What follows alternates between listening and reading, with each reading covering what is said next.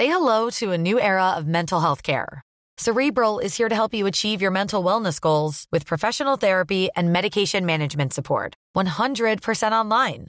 You'll experience the all new Cerebral Way, an innovative approach to mental wellness designed around you. You'll get a personalized treatment plan from a therapist, prescriber, or both in a safe and judgment free space.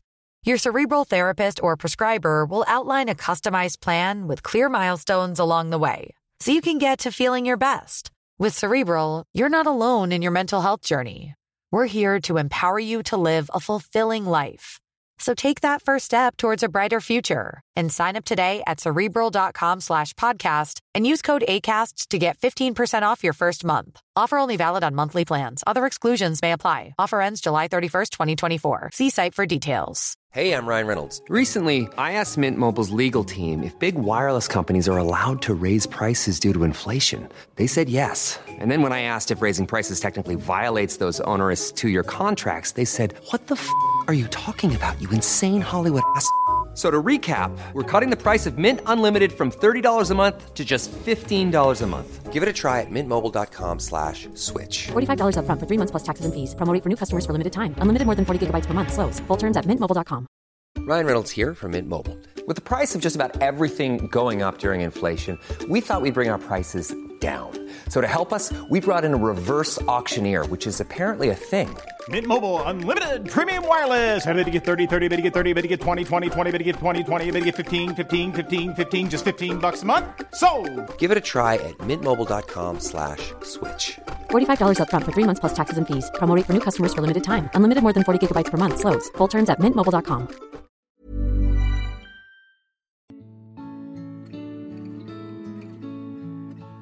Välkomna tillbaka till podden Utan dig med mig Emelie. Och mig Alexandra.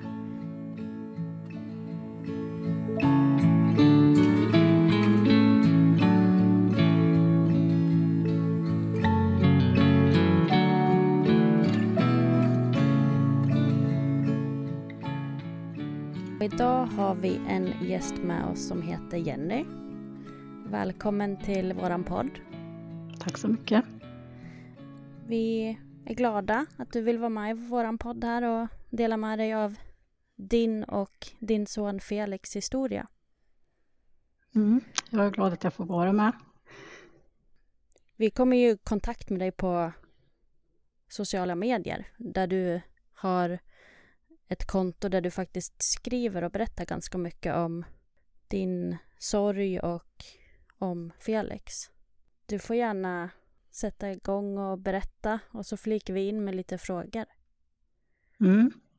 Det var den 31 maj i fjol på Morsta.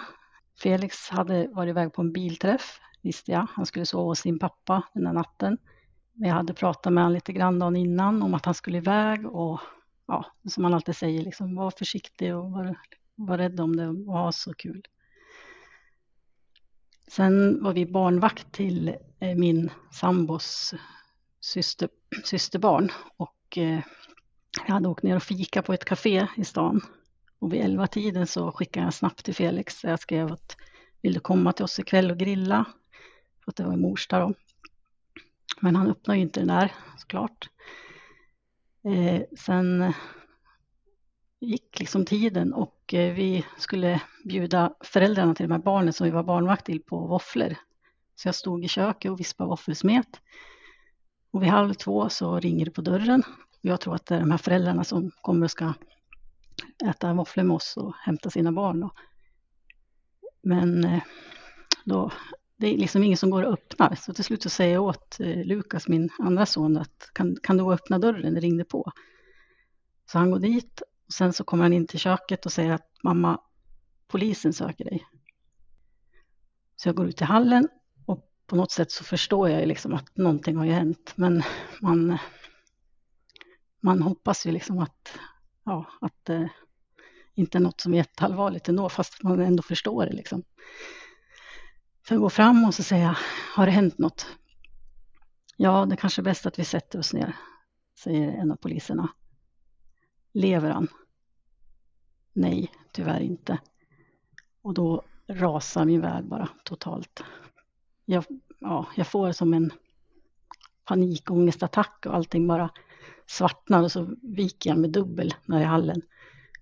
Och sen lyckas jag på något sätt ta mig in till soffan och gå förbi köket och bara säger liksom Felix lever inte längre. Och det är liksom på något sätt för stort för att ta in.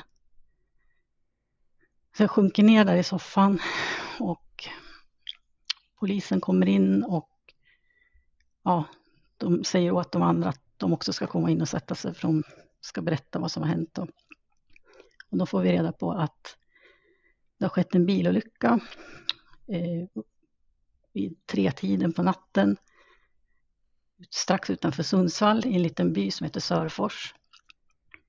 Och det är fyra killar som har omkommit och två tjejer som är allvarligt skadade. Eh, ja, och en av de här killarna var ju Felix då. Och jag, ja, jag har ju ingen aning om vilka de andra är. Jag vet ingenting. Jag vet inte vad gjorde han där? Han, han skulle på en bilträff i Hassela och det här är ju liksom på väg bort ifrån liksom hem. Han är ju ja, åt helt fel håll tycker jag då. Och klockan var ju halv två när polisen kom till oss och olyckan hade ju skett klockan tre på natten. Eh, och då var det så att Felix hade inte hittats direkt utan man hade hittat fem ungdomar och det är fem platser i bilen så ja, alla tror ju att det inte var någon mer där eftersom man inte fanns i närheten. Ja, och jag tror ju då att Felix har levt, att han har krypit eller gått iväg. Och den ångesten som kom då när jag liksom tänker att han kanske i flera timmar liksom har irrat omkring där och varit rädd och haft ont och ja, det var ju så obeskrivlig smärta. Så berättar de att de hade hittat Felix mopedkort vid, ja, på förmiddagen någon gång vid halv elva kanske. Då hade de ringt dit en hundförare som hittade Felix vid elva tiden. Och det, ja, det är bara det jag vet. Så. Han var alltså en bit bort ifrån bilen? Ja, precis. Mm. Vet du hur vi... långt bort ifrån bilen han var? Ja, han hittades eh, 55 meter bort. Ja. Så han har hamnat i en å som ligger alldeles bakom själva olycksplatsen. Och det är väl oklart om, om han har hamnat liksom bara där och flytit med de här metrarna eller om han har flugit liksom ut ur bilen och flugit en sån bit och landat där han hittades då. Och det tar liksom, ja, jag vet jag sitter där i soffan och bara säger, jag säger liksom, jag vill inte, jag vill inte, jag vill inte. Och liksom jag ork, ja, på något sätt så orkar man liksom inte ta in det. Det är en sån otrolig chock och ja. Och till slut så liksom sjunker väl in lite eftersom och då bara bryter man ihop och sitter och gråter och samtidigt så blir man också rationell på något sätt och liksom jag måste, jag måste ringa allihopa. Tänk om de får reda på det via media, för nu liksom, ja, har de släppt det här? Man vet ju ingenting. Så jag börjar ringa min familj och berätta vad som har hänt. Och poliserna säger att om ni vill så kan vi ta hit en sjukhuspräst för att det finns en sån i Gävle. Och då förstår jag att de är ju två timmar bort minst. Och så säger de också att Felix är sjukhuset i Sundsvall och att vi får åka dit om vi vill. Och det vill jag, jag vill dit direkt. Så jag säger bara nej, jag vill inte sitta här och vänta på någon präst, jag vill åka upp till Felix. Och det är bara turbulent och mitt i allt det här så, måste, så ringer ju min sambo till barnens föräldrar och säger att ni måste hämta barnen. Den ena killen, det ena barnet, han, han är ganska liten och blir jätterädd när polisen, han ser polisen och tror att någon ska hamna i fängelset så han bara gråter och min andra son försöker trösta han. Och det, ja, det var kaos överallt i huvudet och utanför och men sen så, så var vi tvungna att ringa upp till sjukhuset i Sundsvall för att bestämma hur vi ska, vart vi ska, vem som ska möta upp och så, sådana saker. Så min sambo sköter allt sånt. Ja, när polisen har åkt så kommer min mamma dit hem till oss och ställer sig i hallen och bara skriker för hon, jag fick inte tag i henne när jag ringde familjen, utan min lilla syster fick tag i henne. Så hon berättade ju så hon hade åkt direkt till oss då. Sen så följer hon med upp till sjukhuset i Sundsvall, så det är jag och min sambo och min mamma som åker upp. Och Lukas, eh, Felix bror, vill inte följa med.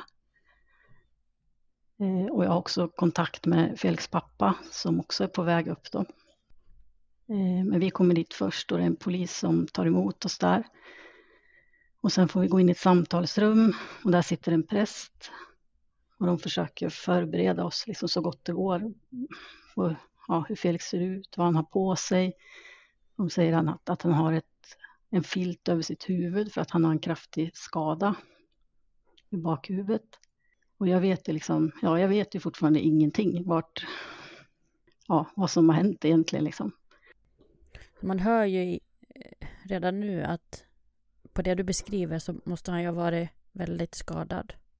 Ja, när vi kommer in där på, i, i rummet. Jag vill gå in själv först i rummet där Felix ligger. Men jag vill ha med mig polisen och prästen. För att jag känner att jag vet inte alls hur jag kommer reagera. Då ligger han där på en brits och ja, han har filten över huvudet och han har sin en hoodie på sig och sina jeans. Men han är väldigt hel i ansiktet och det syns ingenting på honom. Mer än att han har den här filten över huvudet. Då. Jag har själv inte läst obduktionsprotokollet men Felix pappas särbo har gjort det och berättat lite grann för mig. Och dels är det den här skadan som man har i bakhuvudet som är dödsorsaken och sen så har kroppspulsådern slitits av. Sen står det också att han ja, han hade nästan inte ett enda helt ben i kroppen.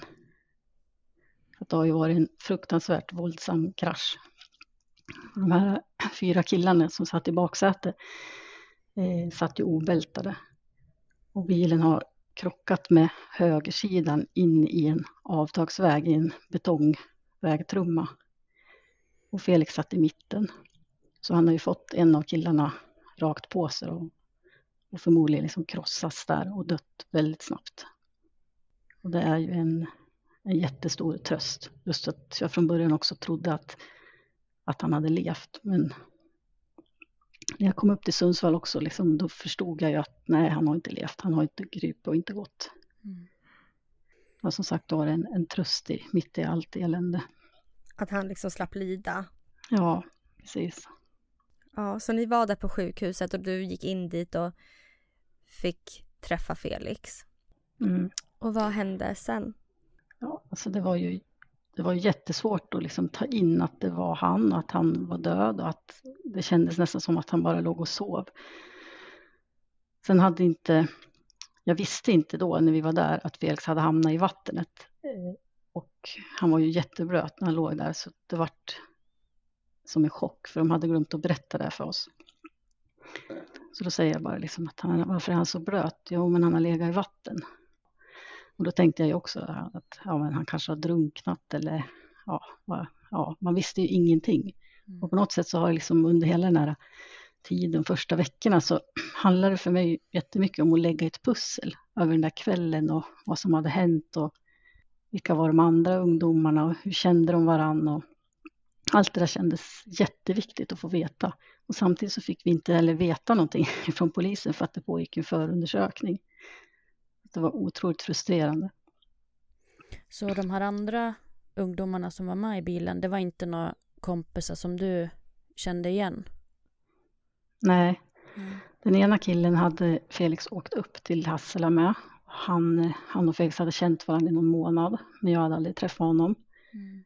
Och de andra killarna och tjejerna hade han ju träffat då den där kvällen då. Jag tänkte just för att då var det inte så lätt för dig att liksom kanske ta kontakt med de föräldrarna heller. Nej, Nej. precis. Eh, men eh, jag fick kontakt med först passagerarens mamma. Så henne skrev jag lite grann med på Messenger. Och sen så tog jag kontakt med den här den killen som Felix kände sedan tidigare, hans mamma skrev jag med. Och sen fick jag en kontakt med en av de andra mammorna uppifrån Stöde och då bestämde jag att liksom vi gör en messengergrupp, vi fyra mammor till pojkarna. Då. Så då skapade jag en sån och sen så hade vi kontakt ett tag och sen när det hade gått en månad så bestämde vi att vi skulle ses där uppe i Sörfors vid olycksplatsen. Så då åkte vi upp och träffas där då. Och det var så oerhört alltså, känslosamt. Det var ju jättemycket tårar men det var även skratt också. Att vi kunde liksom, ja vi fick berätta om våra pojkar och vi fick dela våra upplevelser och det var väldigt mycket som, som man märkte som vi tänkte och kände lika. Mm. Och det var, ja, det har varit otroligt befriande på något sätt att ha dem. Vi sa också när vi var där uppe den där första gången att tänk om det bara hade varit ett barn som hade omkommit. Mm. Och liksom vi, vi, tyckte att det var så, hade varit så fruktansvärt hemskt, även fast man inte vill att, att någon ska få dö, liksom så hade det känts, alltså tänk att vara den föräldern. Mm. Mm. Nu hade vi på något sätt varandra. Mm. Det blev inte haft... riktigt lika orättvist på något sätt. Liksom. Nej, precis. Och att vi kände så alla fyra också. Det var, ja. Och man får ju, när man är med liksom om en sån här chockartad grej, det är så mycket, alltså så mycket tankar och så mycket känslor och ibland så kommer det helt ologiska saker och ja, det, det blir ju en, alltså en fruktansvärd chock. Och nu när vi spelar in det här, det har ju inte ens gått ett helt år, så det är fortfarande väldigt nytt egentligen. Ja, det är det. Men hur har du liksom tagit dig igenom det? I början så la du sånt där pussel sa du. Gör du det fortfarande? Om kvällen när olyckan hände? Nej, dels har vi fått ta del av förundersökningen nu och rättegången har ju varit och jag har även haft kontakt med några av de här vittnena som har sett den här olyckan och skrivit lite med dem och pratat med dem. Så att det känns som att jag har liksom bilden ganska klart för mig nu vad som hände. Jag funderade på, var det alltså några vittnen som hade sett olyckan när den väl skedde? Det var en kille i en A-traktor som åkte alldeles bakom den här tjejen.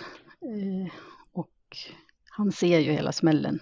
Han ser bilen flyga in i den här kanten och slungas upp i luften och in i en liten skogsdunge. Mm. Som tur är så ser han ju inte att liksom när någon av pojkarna slungas ur bilen. Mm. Han är kompis till en av de här killarna i bilen. Och han, han känner att han klarar inte av att stanna. Så han åker en liten bit och så stannar han och så larmar han 112 eh, och säger att det inte är en olycka och att de måste komma dit snabbt. Eh, och då säger larmoperatören åt honom att du, kan du åka tillbaka? Nej, det fixar jag inte, säger han. Det går inte. Jag kan liksom inte och samtidigt som han har larmat så kommer en annan bil till platsen. En äldre man som ska åka ut och fiska i den här ån och ser två av pojkarna ligga där på marken. Och eh, springer fram och känner på den ena och, och så tar han sin telefon och larmar. han ser inte bilen, för den ligger ju liksom in i, in i skogen. Så när han larmar så tror han också att han är först på plats. Men då säger ju larmoperatören att ser du bilen? Är det några fler människor i bilen? Vilken bil, säger han. Och sen så lyfter han blicken och så tittar han och då ser han bilens baklyktor bland träden. Så springer han dit då. Och samtidigt så hör han den här passageraren eh, ropa på hjälp. Så han springer fram till henne och försöker lugna henne och säga att, att hjälp är på väg. Och så håller han hennes hand genom genom vindrutan, för den har gått sönder. Då. Sen så fick vi träffa den här mannen, för han sökte upp oss under rättegången. Så han har ju ja, berättat för oss hur det var där uppe och vad han kände. Och sen så har det också visat sig att han är, har jobbat som sjukhuspräst. Mm. Så på något sätt så känns det så himla fint att just han var där. Mm. Ja. ja. Och att han var där liksom med pojkarna och tjejerna och och han stannade ju kvar ända tills räddningstjänsten hade åkt därifrån, tills allt var klart. Mm. Så då hittade räddningstjänsten de andra fem där vid tre, halv fyra tiden någon gång. Men Felix hittade man klockan elva. Ja, precis. Ja. Så det är ändå åtta timmar mm. senare. Felix pappa hade ju börjat, ja han, började, han hade ringt till Felix också vid elva tiden ungefär, men han svarade inte. Och Sen hade han skickat något sms och vart är du någonstans, kan du ringa mig? Och sen så framåt ett-tiden då fick han höra att det hade varit en bilolycka och att en av killarna som Felix hade varit med den där kvällen hade omkommit i den där bilolyckan. Så då förstår ju han någonstans liksom att, ja, att Felix kan ha varit med där. Så han ringer ju till polisen och de försöker ju bara uppehålla han och säga ja, jag vet inte, ja, vi måste kolla, vi ska ringa det här. Och sen så säger de bara, nu svänger in en bil på din gård.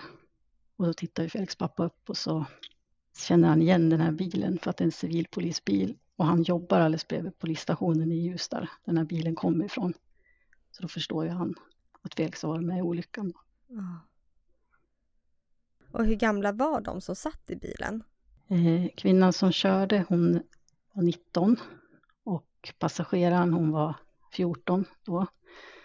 Och de här killarna var, två av dem hade fyllt 16 det året och två skulle fylla 17. Så det var fyra 16-åriga killar, men två av dem skulle fylla 17 det året. Då. Mm. Hur gammal var Felix? Han, han skulle ha fyllt 17 den 11 september. Och hur gammal var Felix bror?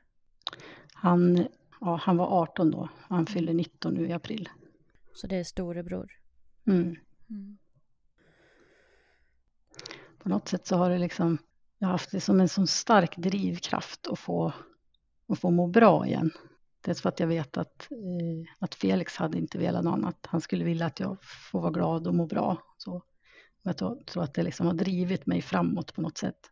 Eh, så att jag, ja, från början så, så vart ju vi inte uppfångade någon av oss. Så det var liksom, jag, jag har en, en vän som har förlorat sin son och hon, ja, ett år tidigare, hon har berättat att de vart uppfångade direkt på sjukhuset. De fick komma till sjukhusprästen och träffa en kurator och sen fick de någon uppföljningstid och så. Men vi, det var liksom ingen som hörde av sig. Och jag tror ju att det handlar om att Felix hamnar i, i eh, Sundsvalls, på Sundsvalls sjukhus i ett helt, län, ett helt annat län än vad vi bor i. Hamnade de i Sundsvall för att det var närmare olycksplatsen? Ja, precis. Mm. Okay. Men sen efter en vecka ungefär, då kände jag att jag måste få komma och prata med någon. Det går inte längre. Och jag klarar ju inte av att ringa det där samtalet till vården och säga, förklara vad som hade hänt. Det gick bara liksom inte att uttala orden. Mm. Och då kom jag på sen att jag kunde gå in på 1177 och skriva där på mina sidor till min hälsocentral. Så det gjorde jag där på fredag natt och sen så ringde de upp mig på måndag morgon. Så fick jag komma och träffa en läkare och sen fick jag komma till en samtalsterapeut på tisdagen tror jag. Sen gick jag hos han fram till januari nu. Och i december så kom jag i kontakt med en psykolog som har hjälpt mig med en, en traumabehandling. Då. Jag vet jag, hon ringde upp mig och erbjöd mig att delta i en traumabehandling då, som hon har, som heter EMDR. Och jag vet att jag funderade och tänkte liksom, ja men trauma, nej. Så jag har ju inte varit med i själva olyckan, jag har inte sett det liksom, så att jag hade svårt att se liksom, att det var ett trauma. Men sen när jag väl påbörjade den här behandlingen så har jag ju förstått vilket stort trauma det är. Det är nog större trauma än vad man tror att förlora ett barn. Ja. Och just sådär jättechockartat plötsligt mm. liksom som för er. Det är ju... Mm. Ja, man har inte hunnit förbereda sig på någonting. Nej. Kom ju bara, det så slog ju bara som en blixt från en klar himmel. Mm. Har du kunnat tänkt nästan typ klandra dig själv? Att om han, liksom, om jag hade frågat tidigare om han ville komma och äta våfflor till exempel. Eller någonting sånt. I början tänkte man ju lite så att vad, man rannsakar sig själv lite. Vad, vad har jag kunnat gjort annorlunda? Har jag kunnat, ja, har jag kunnat förbjuda honom att åka på den där bilträffen eller skulle jag haft bättre koll på honom på något sätt? Eller, men samtidigt så vet jag liksom att det, det skulle aldrig gå att låsa in en kille som är 17 år, liksom, det går inte. Nej. Och Felix älskar ju det här, han älskar att åka på bilträffar och åka bil och epa och mm. vara i den där kulturen. Och sen vet jag också att både jag och Felix pappa har ju tjatat om det här med bilbälte hur mycket som helst. Och det har alltid varit hjälmar och liksom noga med säkerhet så. Så på något sätt så känner jag att jag, ja, jag har inte kunnat gjort något annorlunda. Nej. Jag frågar mest bara för att det måste ju också vara en så jobbig bit att hantera. Om man nu liksom tänker liksom att tänk om jag hade kunnat, ja men gjort något. Mm. Det menar jag ju såklart inte att du hade kunnat gjort, men just att man kan ha sådana tankar. Ja, jag tror att det är väldigt vanligt att det är så också. Mm. Hur var Felix som person? Oh, ja, han var en otroligt levnadsglad kille. Han var väldigt social, hade jättemycket vänner. Och det var liksom vänner i alla åldrar, från de som var några år yngre och fram till, till liksom vuxna människor. Och han kunde lika gärna sätta sig och dricka kaffe med, med kompisarnas föräldrar som att hänga med kompisarna. Jag brukar säga att han var som en social kameleont lite grann. Han liksom anpassade sig efter den han var med och trivdes att vara med människor. Så var han väldigt glad och han var väldigt mån om, om människor så att de, om det var någon som mådde dåligt så ville han alltid försöka göra dem glada och ta hand om dem och sådana saker. Och samtidigt så kunde han vara en retsticka också. älskar ju att, att skämta och, och skoja och jag hade mycket samma humor jag och Felix. Jag saknar ju det jättemycket, alltså alla snappar som vi skickar till varandra och alla meddelanden och roliga bilder och sådana saker. Sen hade han ju ett otroligt stort eh, motorintresse. Det var ju ja, allt från bilar och mopeder och eper och älskar att skruva på allting. Vad gick han för gymnasium? Eh, Felix eh, gick eh, och läste upp sina betyg. Han ville gå VVS-linjen. Eh, så han hade precis klarat liksom dem, men han hade ett prov i historia kvar att göra han hade lite tufft i skolan hela högstadietiden så. Så att han, eh, ja, han hade inte betyg i så många ämnen när han gick ut. Han fick ju kämpa rätt så mycket det året, men han var så himla stolt när han hörde av sig och sa liksom att nu har jag klarat matten mamma. Och det var liksom samma vecka som han gick mm. bort. Ibland kan jag tänka att det känns så himla hårt, liksom att han, han kämpar så himla mycket med det där sista året och klarar det där. Och, och så fick han aldrig liksom njuta av det på något vis. Mm. Men samtidigt så känns det också skönt att han, att han fick känna att han lyckas och att han hade klarat av det där. Mm. Och att han liksom, ja, med största sannolikhet skulle ha kommit in på VVS-linjen. Felix eh, mentor på gymnasiet var hem till oss ett par veckor efter olyckan och lämnade hans betyg. Och sen så hade han fått ett diplom för att han ja, han var den som hade liksom kämpat hårdast under det där året och stod det på det där diplomet. Mm, sen hade de gjort ordning en bok där andra ungdomar och lärare på gymnasiet och hade skrivit hälsningar till Felix. Vad fint. Ja, det var jättefint. Och det blir lite speciellt liksom eftersom att det var ja, corona och allt det här så kunde de ju inte samlas på på skolan, men de gjorde i ordning ett minnesrum så fick de som gick samma program som Felix fick gå dit då. Men sen var det många som fick, om de skickade mejl och sådana saker, gjorde på det sättet. Sen så höll de ju kyrkorna uppe. Felix pappa bor i en liten ort som heter Delsbo som ligger tre mil väster om Hudiksvall. Så att den kyrkan öppnade de och sen så öppnade de kyrkan i Hudiksvall. Då. Var det där, där nära hans pappa, var det där han gick i skolan eller var det nära dig han gick i skolan?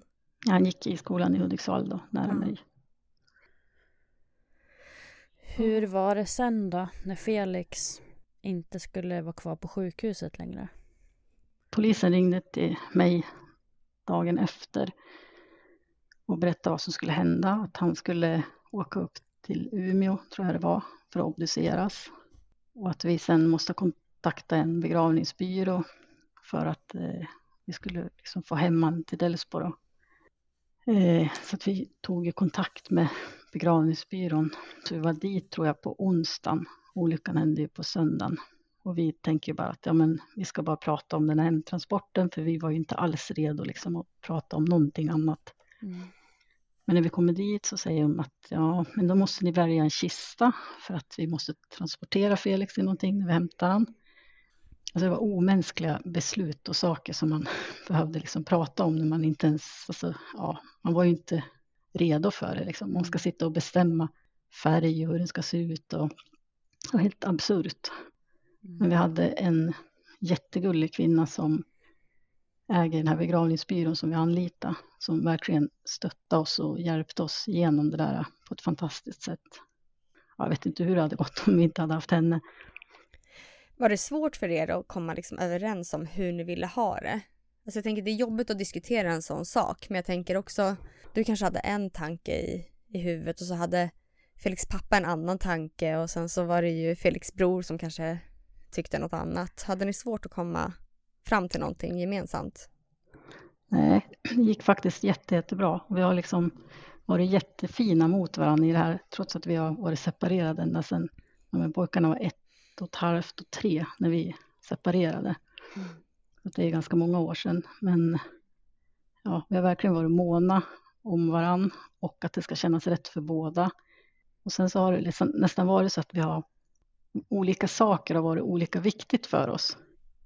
Och då har, liksom, ja, men då har det känts rätt, så, ja, men då kan han bestämma det som han tycker är viktigt, så, så bestämmer jag det här som jag tycker är viktigt. Och, mm. ja, och samtidigt ska det kännas bra för båda. Ja, det, precis. Men det har, ja, det har gått jätte, jättebra med allting så. Ja, vad skönt, för det måste ha varit jättejobbigt annars om man liksom ska hålla på och skiva som sådana saker också mitt i allt liksom. Ja, och jag tänker speciellt också när man är separerade så kan det lätt bli så. Men, men jag vet att Felix pappa eh, sa till mig liksom väldigt tidigt så här nu, det får bara finnas liksom att vi är snäll mot varandra i det här, ingenting annat. Nej, självklart liksom. Mm. Och så har det varit också. Fint. I början så var det ju, jag vet att jag kände mig väldigt ensam i sorgen. Det är så att jag, min, min sambo som jag bodde med och han, eh, han och jag hade varit tillsammans i lite drygt ett år bara. Och att då kastas in i en, alltså den största krisen som jag har varit med om i hela mitt liv. Och någon som inte liksom delar min upplevelse, alltså inte ens i närheten. Så ja, jag vet att jag kände mig väldigt ensam, att jag kände att jag hade ett väldigt stort behov av Felix pappa. Så. Och samtidigt var det svårt för att man ville inte, jag ville inte ringa till han för att då kanske han hade en bra stund just då och så skulle jag riva upp saker och mm. ja, sådana tankar. Mm. Det var på sommaren där som Felix pappa kom hem till oss i Hudik och så, så satt vi bara där på baksidan i solen. Det var jag och Lukas och vår son och så Felix pappa och bara prata och grät och så det var, ja, jag minns att det var så otroligt skönt för det var liksom första gången som vi satte oss ner så där tillsammans och bara, bara pratade.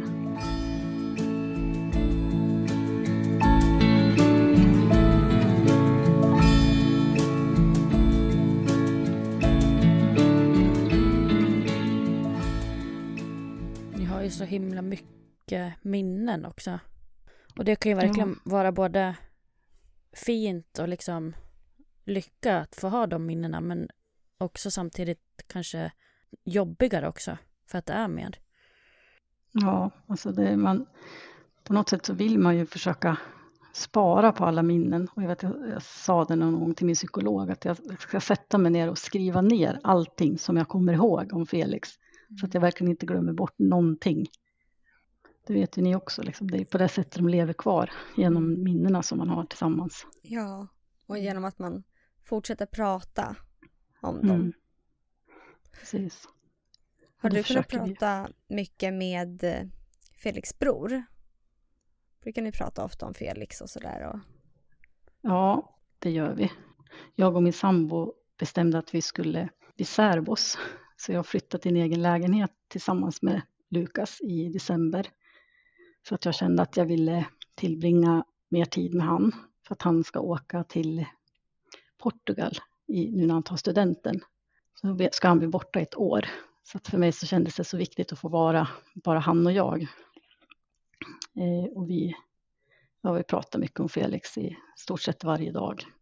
Och eh, Lukas har, han har lätt, lätt för att prata om känslor. Och vi har liksom en fin relation så. Men sen så i början var han ju, då vart han ju nästan Alltså han varit ledsen nästan varje gång vi pratade om Felix. Men nu märker jag att han, eh, att han också kan, nu kan vi skoja liksom och prata om så här eh, roliga saker som vi hade tillsammans. Så kan vi skratta åt de grejerna och kanske egenheter som Felix hade och så. Och det känns också skönt på något sätt att det inte bara är tårar och sorg, utan att vi också kan liksom börja dela de här fina och roliga sakerna. Mm. mm. Upplever du att andra som eh, också känner er vågar eh, dela roliga minnen också? Eller är folk rädda för att liksom bara trampa på dina ömma tår och så? Jag har ganska mycket kontakt med några av Felix närmaste vänner. De kan ju prata helt obehindrat så. Och jag upplever nog att, att de här ungdomarna är så mycket friare i sitt sätt att vara och sitt sätt att prata och tänka. Mycket mer än, än vad vuxna är. Och det är ju jättemånga ungdomar som, ja men som och det så tog de ju kontakt med mig efter olyckan och skriver och de kommer alltid fram och pratar med en om, de, om man stöter på dem. Och, och de har varit helt fantastiska med ungdomarna. Sen har jag ju liksom mina närmaste vänner, de, de vet ju ja, också att jag liksom har lätt att prata om det, så de, de pratar ju ofta om Felix med mig. så.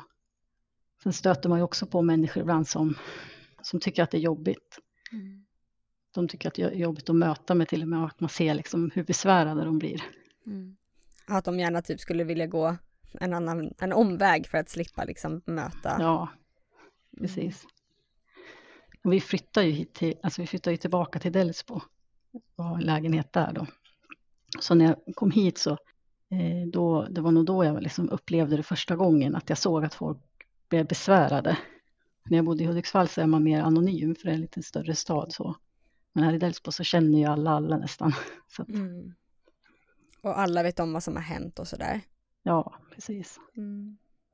Och sen märker jag ju att jag tar ju gärna ansvar för andra människor. Mm. Om jag träffar på dem första gången så här, ja men det går bra för mig att prata om det, du får ställa frågor om du vill. Att jag går in liksom och tar ansvar för dem. Mm. Ja. Men vad hade du önskat att de hade gjort då istället för att ta den där omvägen säger vi? Ja men egentligen så räcker det ju bara med liksom, ja, men en nick eller liksom att de tittar en i ögonen. Och liksom, det betyder ju så mycket bara att de, menar, att de visar att ja, ja, jag förstår att du har det tufft. Mm. Mm. Jag funderar lite på, har du blivit rädd av att åka bil efter det här? Nej, det har jag inte. Jag, jag har alltid kört försiktigt och jag har alltid kört efter hastighetsgränsen så, men jag kanske har blivit eh, lite extremare till och med nu. Men jag känner inte att jag är rädd. Men jag tänker om du är rädd att släppa iväg Felix bror? Ja, det känns ju... Som man ska åka till Portugal och vara borta ett år, det har jag ju oroat mig för jättemycket hur det ska gå. Från början så var det ju, fick jag inte tag i Lukas. Om han, om han och jag inte var med varandra så fick jag ju panik. Och vart ju helt irrationell och bara skulle kunna kasta mig i bilen och åka och leta efter honom. Men sen som hjälp av den här psykologen som jag har gått hos så har det ja, har det blivit mycket, mycket bättre. Och nu har det blivit klart också att Lukas kommer att åka tillsammans med en, en klasskamrat så att de är två killar som åker bort då. Mm. Så det känns också skönt. Ja, bra. Eh, Lukas höll ju på med sitt körkort och fortsatte lite grann under sommaren men sen när skolan drog igång så kände han att han inte riktigt orkade. Och han tänkte att jag måste försöka prioritera skolan så då la han liksom körkortet på is lite grann. Och han inte, har inte alls samma intresse som Felix där i bilar. Det känns ju faktiskt skönt att ja. han inte är sån som vill åka på bilträffar och sånt. Mm. För det tror jag hade varit väldigt tufft. Mm. Men jag tänkte tillbaka till olyckan där. Vet ni vad det var för någonting som faktiskt hände? Eller du kanske inte vill prata om det? Eh, det är nog den pusselbiten som jag har kvar att lägga och som jag säkert aldrig kommer att få svar på. Så det, det är ingen som riktigt vet. Den här Eh, passageraren hon, hon minns ju liksom större delen av kvällen och så, men hon minns inte alldeles strax innan olyckan och själva smällen. Och eh, kvinnan som körde bilen, hon har ju inte några minnen kvar alls från hela kvällen eller någonting. Och han som kom efter i den här A-traktorn, han han såg ju liksom bara när bilen hade hamnat utanför vägen så var det som ett stort dammoln. Så när han kom dit så såg det ut så liksom. Så han såg ju inte om, ja, om det hade hänt någonting innan. Hon körde ju väldigt fort. Hon låg ju uppemot 200 kilometer i timmen. Och så var det en svag vänsterkurva. Så vi tror ju att hon har fått sladd där och tappat kontrollen över bilen och hamnat med höger sida hjulpar utanför vägen i gruset där. Och sen så har hon panikbromsat och bilen har liksom ställt sig på tvären liksom och mm. åkt så då in i den här vägen. Men det kan ju också vara så att det, har kommit fram ett djur eller att hon har fått solen i ögonen eller någonting sånt. Det vet vi inte. Nej. Har du varit vid olycksplatsen flera gånger än den där gången med de andra mammorna? Ja, jag har varit där fyra gånger. Har jag varit där. Första gången så var jag dit, jag tror att det var redan på tisdagen eller någonting. Jag kände bara att jag måste åka upp, liksom. jag måste åka dit och se liksom, för att förstå på något sätt. Och det var ju bara, alltså det var ju märken tre meter upp i träden. Var det märken efter bilen.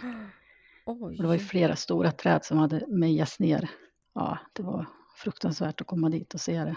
Jag kände nog så här ganska tidigt att på något sätt så måste jag, jag måste göra det jag kan för att kunna ta in det här. För att på något sätt någon gång kunna komma till en acceptans och en förståelse för att han är borta. Vad Mm. har ni gjort med alla Felix saker? Vi hade precis nästan köpt det där huset som vi bodde i Hudiksvall då.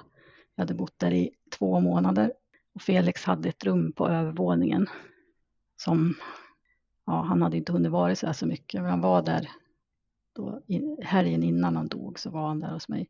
Sen så eh, hade Lukas ett mycket mindre rum på nedervåningen. Så under sommaren där så frågade jag Lukas om han ville byta rum och flytta upp till Felix rum. Och då sa han att ja, jo men det vill jag.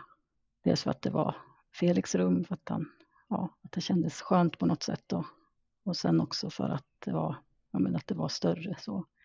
Du sa att du får, ge mig, du får ge mig några veckor. Jag måste processa det här lite grann först. Och sen så en dag så bara bestämde vi att nu, nu packar vi ihop Felix grejer så bär vi ner dem. Så bär vi upp dina saker. Så vi packade och bar och grät och grät och grät. Men på något sätt så var det också det var skönt på ett sätt för att det var inget rum som var laddat i huset. Det var ju otroligt laddat att gå upp för trappan och gå förbi Felix rum. Som alltid var tomt. Ja, precis. Men alla hans saker finns ju kvar, men vi ställde ner dem i, i Lukas gamla rum då, så de står där. Förutom Felix säng som jag har tagit med mig hit till lägenheten som jag sover i nu. Mm. Ja, det känns jättefint. Mm. Jag vet också att jag kände liksom från början att, att alla, alla hans saker var så otroligt viktig. Jag kände jag måste liksom, men har jag någonting i någon kartong någonstans? Har jag liksom hans gamla teckningar? Vart ligger de? Vart är det? Och att jag måste, jag var tvungen liksom att samla ihop alla saker. Ungefär som att jag måste hamstra på dem på något sätt. Mm. Men ja, jag klarar inte av att kasta någonting. Jag har ju kvar något gammalt pringisrör som låg i hans rum och jag, hans tandborste är ju kvar och allting. Det går liksom inte att kasta bort någonting. Nej. Hur var det för er att alla första årsdagar, det har ju varit liksom jul och det har varit snart kommer påsken och hans födelsedag. Hur har ni, vad har ni gjort de dagarna? Hans födelsedag, då bestämde jag ganska tidigt att jag ville vara med Felix vänner. För att Lukas, han ville inte göra någonting. Han hade bokat upp att han skulle sitta och spela med en kompis och han ville inte liksom tänka på det ens. Så, så då var vi, jag tror att det var åtta ungdomar och jag som åkte upp till olycksplatsen och tände ljus där för Felix då. Och sen så åkte vi ner till Delsbo igen och så gick vi på en pizzeria och käkade pizza. Och sen så åkte vi till graven och tände ljus och lämnade blommor där då. Så att jag och tre andra ungdomar, då, de, vi åkte en, menar, amerikanare upp dit. En, med, ja, det var Felix som närmaste kompisar som jag åkte med. Då. Det kändes på något sätt liksom rätt att vara med dem och, ja, och få dela liksom den här dagen med dem. Mm. Sen så på julafton så, ja, vi, vi firade inte ens jul. Jag satt här hemma och ja, jag och Lukas var hemma. Sen skjutsade jag an till hans pappa. På eftermiddagen då åkte vi till graven och tände ljus och lämnade lite blommor där. Sen så åkte jag hem och så ja, bara var jag hemma och tittade på tv. Mm. Jag hade inte en enda julsak här i lägenheten. Och nu närmar det ju sig årsdagen för olyckan. Mm. Hur känns det? Det har varit några veckor nu som det har varit riktigt tungt. Sådär. Och jag tror att det är för att den här årsdagen närmar sig. Det är så svårt att veta hur man kommer känna den där dagen. och svårt att förbereda sig på något sätt. Men jag har i alla fall bestämt att, för nu är den 31 är på en måndag, men då helgen innan, då är det ju mors dag igen då. Men då ska jag och en, min bästa vän åka ner till Stockholm och eh, bo där nere och vara där den här helgen och bara umgås. Så att jag får komma hemifrån då. Mm. Mm. Och sen så kommer jag nog åka upp till olycksplatsen då på måndagen och ja, till graven då såklart. Är det någon speciell plats där du känner att du är närmast Felix? Ja, det är ju vid graven. Den betyder jättemycket för mig och den är jätteviktig. Jag är ju dit flera gånger varje vecka. Och om jag liksom är väldigt ledsen en dag eller en kväll, liksom då, då känner jag att då vill jag åka dit och då gör jag det. Sen så är det ju liksom hela Delsbo är ju Felix för mig på något vis. Han älskar ju den här byn.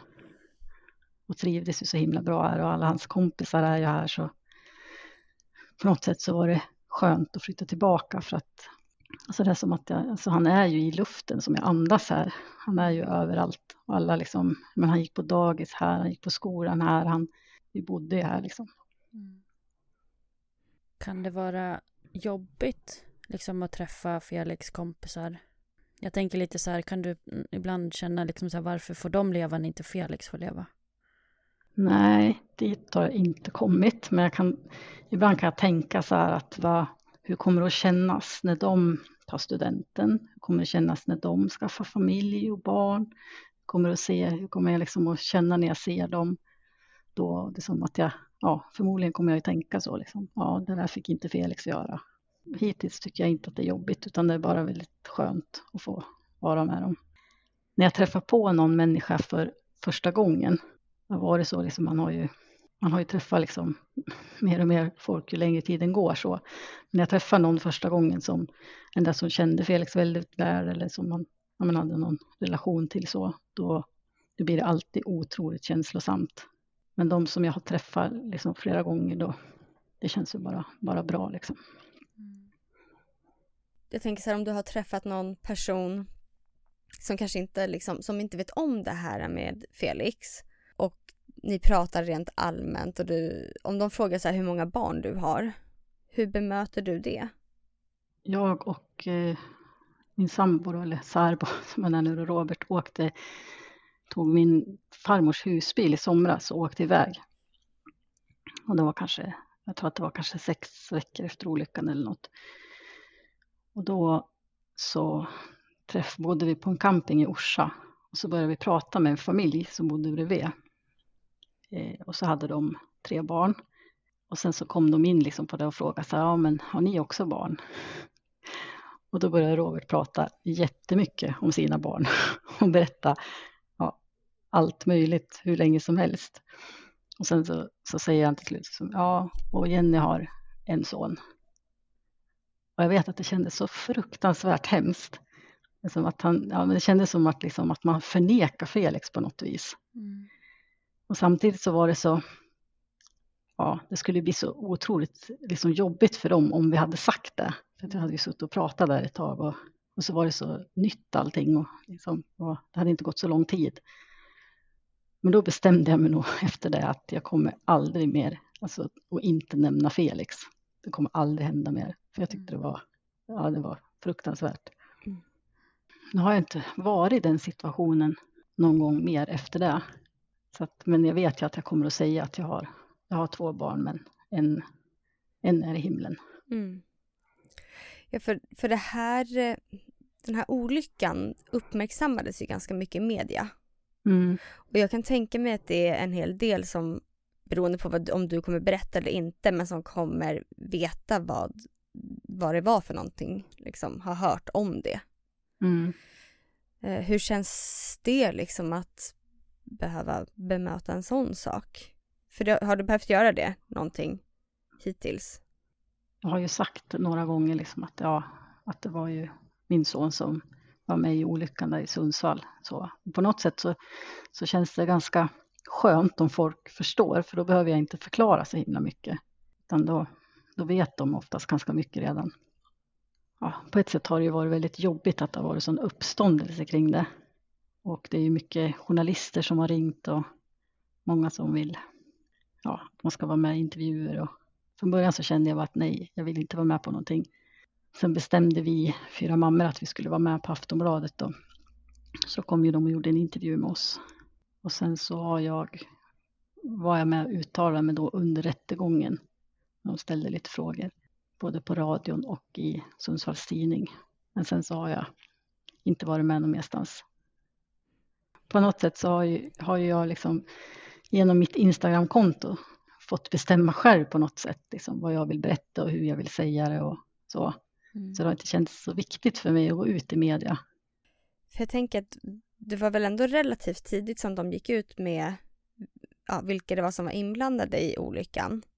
Hur var det liksom att få den frågan? Alltså hur funkar det rent i processen?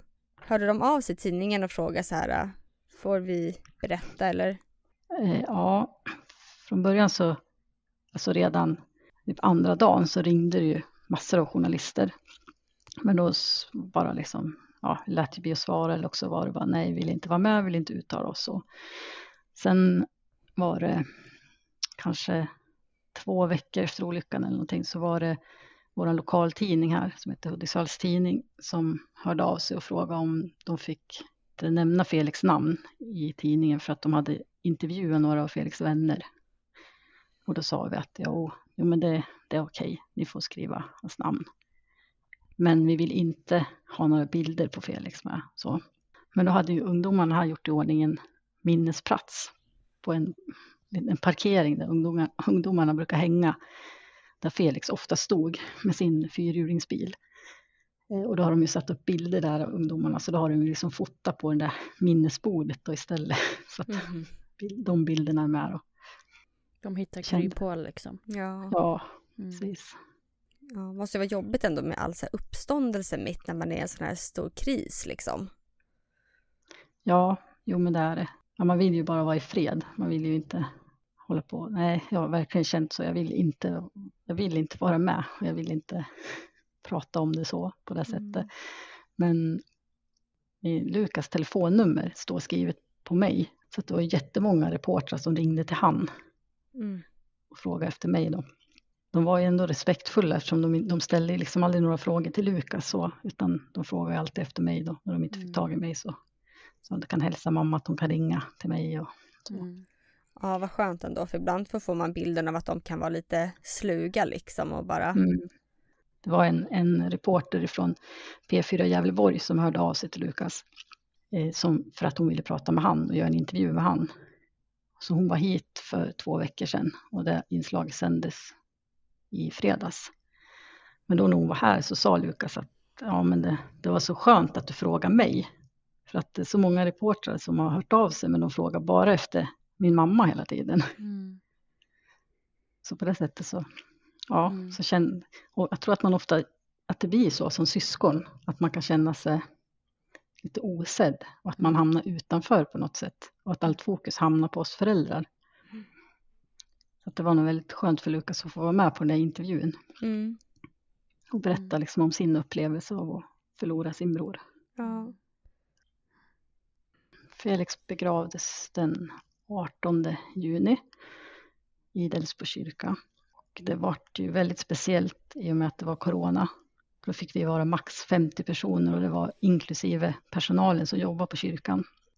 Och då ska man sitta liksom och välja ut vilka som får komma. Det, nej, det kändes helt sjukt på något sätt. Att, ja, vi ville ju att alla som ville skulle få komma dit, men det, det gick ju inte. Men då bestämde vi att vi vi skulle öppna upp kyrkan efter begravningen. Så att alla Felix vänner fick komma dit och, och säga adjö till honom. Så att när vi hade åkt därifrån så, ja, så var kyrkans personal och så den här kvinnan på begravningsbyrån var där och hjälpte till då. Så då under en och en halv timme så fick de komma in då. Och det var väldigt många som var där. Jag har ingen siffra på det så, men det var väldigt många ungdomar. Sen så på kvällen så öppnade Felix pappa upp sin verkstad. Han har en stor verkstad hemma på sin gård. Så då öppnade han upp den och så grillade vi korv och hade fika och lite smörgåstårta och sådär. Så fick alla ungdomar komma dit och träffa oss och så om de ville då. Det var ganska mycket folk där också och mycket grannar som kom och några föräldrar. Det kändes fint. Det var, ja. det var liksom, ja, men det var härligt att få sitta där i gräset och bara liksom prata med Felix vänner och gråta tillsammans och prata minnen. Och, mm. Vad fint. Och att han blir liksom uppmärksammad. Han verkar ha varit väldigt omtyckt. Man hade ju så otroligt mycket kompisar och det var, alltså ungdomarna idag är ju inte, det handlar ju inte bara om liksom, att man är vän med där man bor, utan det blir så stort på något vis. Men i andra städer och till och med i andra län har de vänner. Och i och med att jag startade mitt konto också så är det ju många, det är jättemånga som hör av sig som, som kände Felix och som inte bor här omkring. Och det är också fint på något sätt att jag får kontakt med dem. Mm. Ja, vi har ju kikat på ditt Instagramkonto. Det är jättefint både liksom att minnas och hedra Felix men också ja, sorgebearbetning för dig men också liksom hjälp för andra. Mm. Mm. Jag har kommit i kontakt med ganska många föräldrar som har förlorat barn och både, ja, som har gjort det både före och efter Felix olycka. Och några har jag liksom också aktivt, att jag har fått reda på liksom att den här har, ja, någon kan ha skrivit till mig liksom att den här har förlorat ett barn och då har jag liksom tagit kontakt med dem själv och så kunna liksom hjälpa dem och stötta dem och kolla om de, om de har blivit uppfångade på något sätt eller och tipsa om den här, ja, någon Facebook-sida där mm. för föräldrar som har förlorat barn och sådana saker. Mm. Ja, vad fint att du engagerar dig för att hjälpa andra liksom. Ja, jag tror att, att när man, att jag kände mig så otroligt ensam där i början tror jag gjorde liksom att jag vill inte att någon annan ska behöva känna så här och uppleva så här. Mm. Och att jag också vet vad det betyder att få, att få kontakt med andra föräldrar som har förlorat barn. För på något sätt så är det ju de som förstår bäst. Mm. Ja, precis. Men kan du ge något tips på vad som har varit bäst stöd för dig? Dels så har det ju varit, ja, men mitt Instagramkonto har ju betytt jättemycket för mig. Jag har ju fått så otroligt mycket stöd där. Eh, och jättemycket kärlek och jättemycket omtanke. Och att också få skriva av sig och liksom skriva ur sig all förtvivlan på något vis. Jag älskar ju att skriva. Så jag tror att hade inte det där funnits så hade jag säkert jag kanske skrivit dagbok eller någonting. Men på något sätt så, så har jag liksom fått så bra respons och det har ju också hjälpt mig mycket. Sen så, ja, jag vet i början så jag åkte iväg på någon yoga-retreat. var i augusti. Jag kände bara att jag behövde liksom få komma bort och göra någonting helt annat någon helt annanstans. Och det var också jätteskönt. Och så visade det sig när jag, när jag hade hittat det, yogaretreatet, så eh, var det en kvinna som heter Malin Sävstam som anordnade det där. Och hon förlorade ju nästan hela sin familj i tsunamin. Så att det kändes också tryggt att åka dit och ha henne där. Vi, vi mejlade med varandra lite innan och sådär och ja, bollade lite om hon trodde att det var för tidigt för mig att åka och sådär. Just för att jag hade henne där så, så ja, kändes det tryggt. Och sen, ja, mycket, och, ja, men mycket att prata med andra föräldrar som har förlorat sina barn. Det har varit ett jättestort stöd. De som har, som det har gått lite längre tid för och där man kan se liksom att ja, men det finns ju hopp om att det blir bättre. Det kommer att kännas lättare. Det kommer inte alltid vara så här nattsvart och tungt. Att man, man, man får hopp av det på något vis. Mm. Och sen också att man får, man vet att den här människan förstår precis vad jag går igenom. Och att man kan prata om saker som, som kanske mina andra vänner inte förstår. De kan inte sätta sig in i det liksom. Och de, många orkar inte sätta sig in i det för att det är så, det är så jobbigt att ens tänka tanken mm. att man skulle förlora sitt barn. Ja, verkligen. Och sen så känner jag så här att folk som har förlorat sina barn om man sitter och pratar med dem så vågar man ju liksom prata om det som inte andra vågar prata om eller våga fråga det som inte andra vågar fråga och sådär. Mm. Ehm, som man behöver ibland få lyfta. Absolut, så är det verkligen. Att man är ju inte rädd, alltså på något sätt så är man ju inte rädd för någonting längre, att säga Nej. saker eller... Finns det några liksom, speciella forum för föräldrar och anhöriga som har förlorat någon i olyckor? Jag har inte hittat något. Mm. Men ja, det skulle kanske behövas. Ja. Jag tänker det finns ju så mycket, alltså det finns ju, ja men som Järnfonden och Barncancerfonden, alltså sådana Ja, saker. som- spädbarnsfonden ja, och det blir ju ändå en gemenskap för föräldrar som har liknande den- erfarenheter Ja, liksom. precis. Mm. Mm. Mm. Ja, nej, jag har inte hittat något sånt. Nej. Men de här personerna som du kommer i kontakt med och som har förlorat sina barn, är det alla olika typer av åldrar och olika typer av dödsorsaker eller är det mer specifikt till exempel lite äldre barn och eh, olyckor och så eller? De flesta som jag har kontakt med så då har det varit olyckor faktiskt. Och det kanske är så att de också har sökt sig till mig. Och, men det kan ju vara så att jag har läst om någonting och då försöker jag liksom hitta de där föräldrarna om de finns på Instagram eller något så. Eh, men sen så är det ju många som följer mig som, ja, som har förlorat barn i alla möjliga åldrar och på olika sätt så. Ibland kan jag känna lite så här att eh, eftersom att jag har drivits så mycket hela tiden av att må bättre så kan man känna ibland när man läser på vissa forum på Facebook och så att, eh, att det för vissa är så himla liksom nattsvart och att det har gått så himla många år. Och jag vet att jag gjorde det där i början, liksom läste att, någon, att det hade gått tio år och att man fortfarande hade liksom svårt att ta sig in i duschen och att det var liksom jättesvart fortfarande. Och att jag liksom, på något sätt så kände jag att jag nästan varit neddragen av det. Att jag kände att ska det, ska, jag vill inte, alltså ska det vara så där för mig också om tio år? Jag kommer inte orka det. Jag vill alltså inte det. Men också ha respekt för liksom att, att, att sorgen ser så himla olika ut. Och att ibland kan jag också känna att det blir, menar att det nästan kan kännas skamfyllt på något vis, att jag har så lätt att prata om det och att jag ändå har, kan känna att jag har kommit ganska långt i mitt sorgarbete på, liksom, på kort tid. Mm. Och att det på något vis blir liksom, att man skulle koppla det till hur mycket jag älskar Felix på något sätt. Ja, Mm. Fast det har ju liksom ingenting med varandra att göra. nej. Nej. Jag tror att vi båda två kan relatera till just det Mm. faktiskt. Men det tror jag bara av att liksom lyssna på den här podden, att vi sitter ju liksom inte och grinar hela tiden fast vi pratar om så här hemska saker liksom. Det är nog många som tycker det är kanske lite konstigt, alltså rent ut Mm. sagt. Och så just när man får, alltså den kommentaren har jag ju fått många gånger, så att jag, jag förstår inte hur du orkar. Jag skulle aldrig klara av det. Jag skulle dö om mitt barn dog. Mm. Okej, ja men vad gör det mig till då i så Mm. fall? Ja, Precis. ja, och när man slängs i en sån situation så har man ju liksom inget val.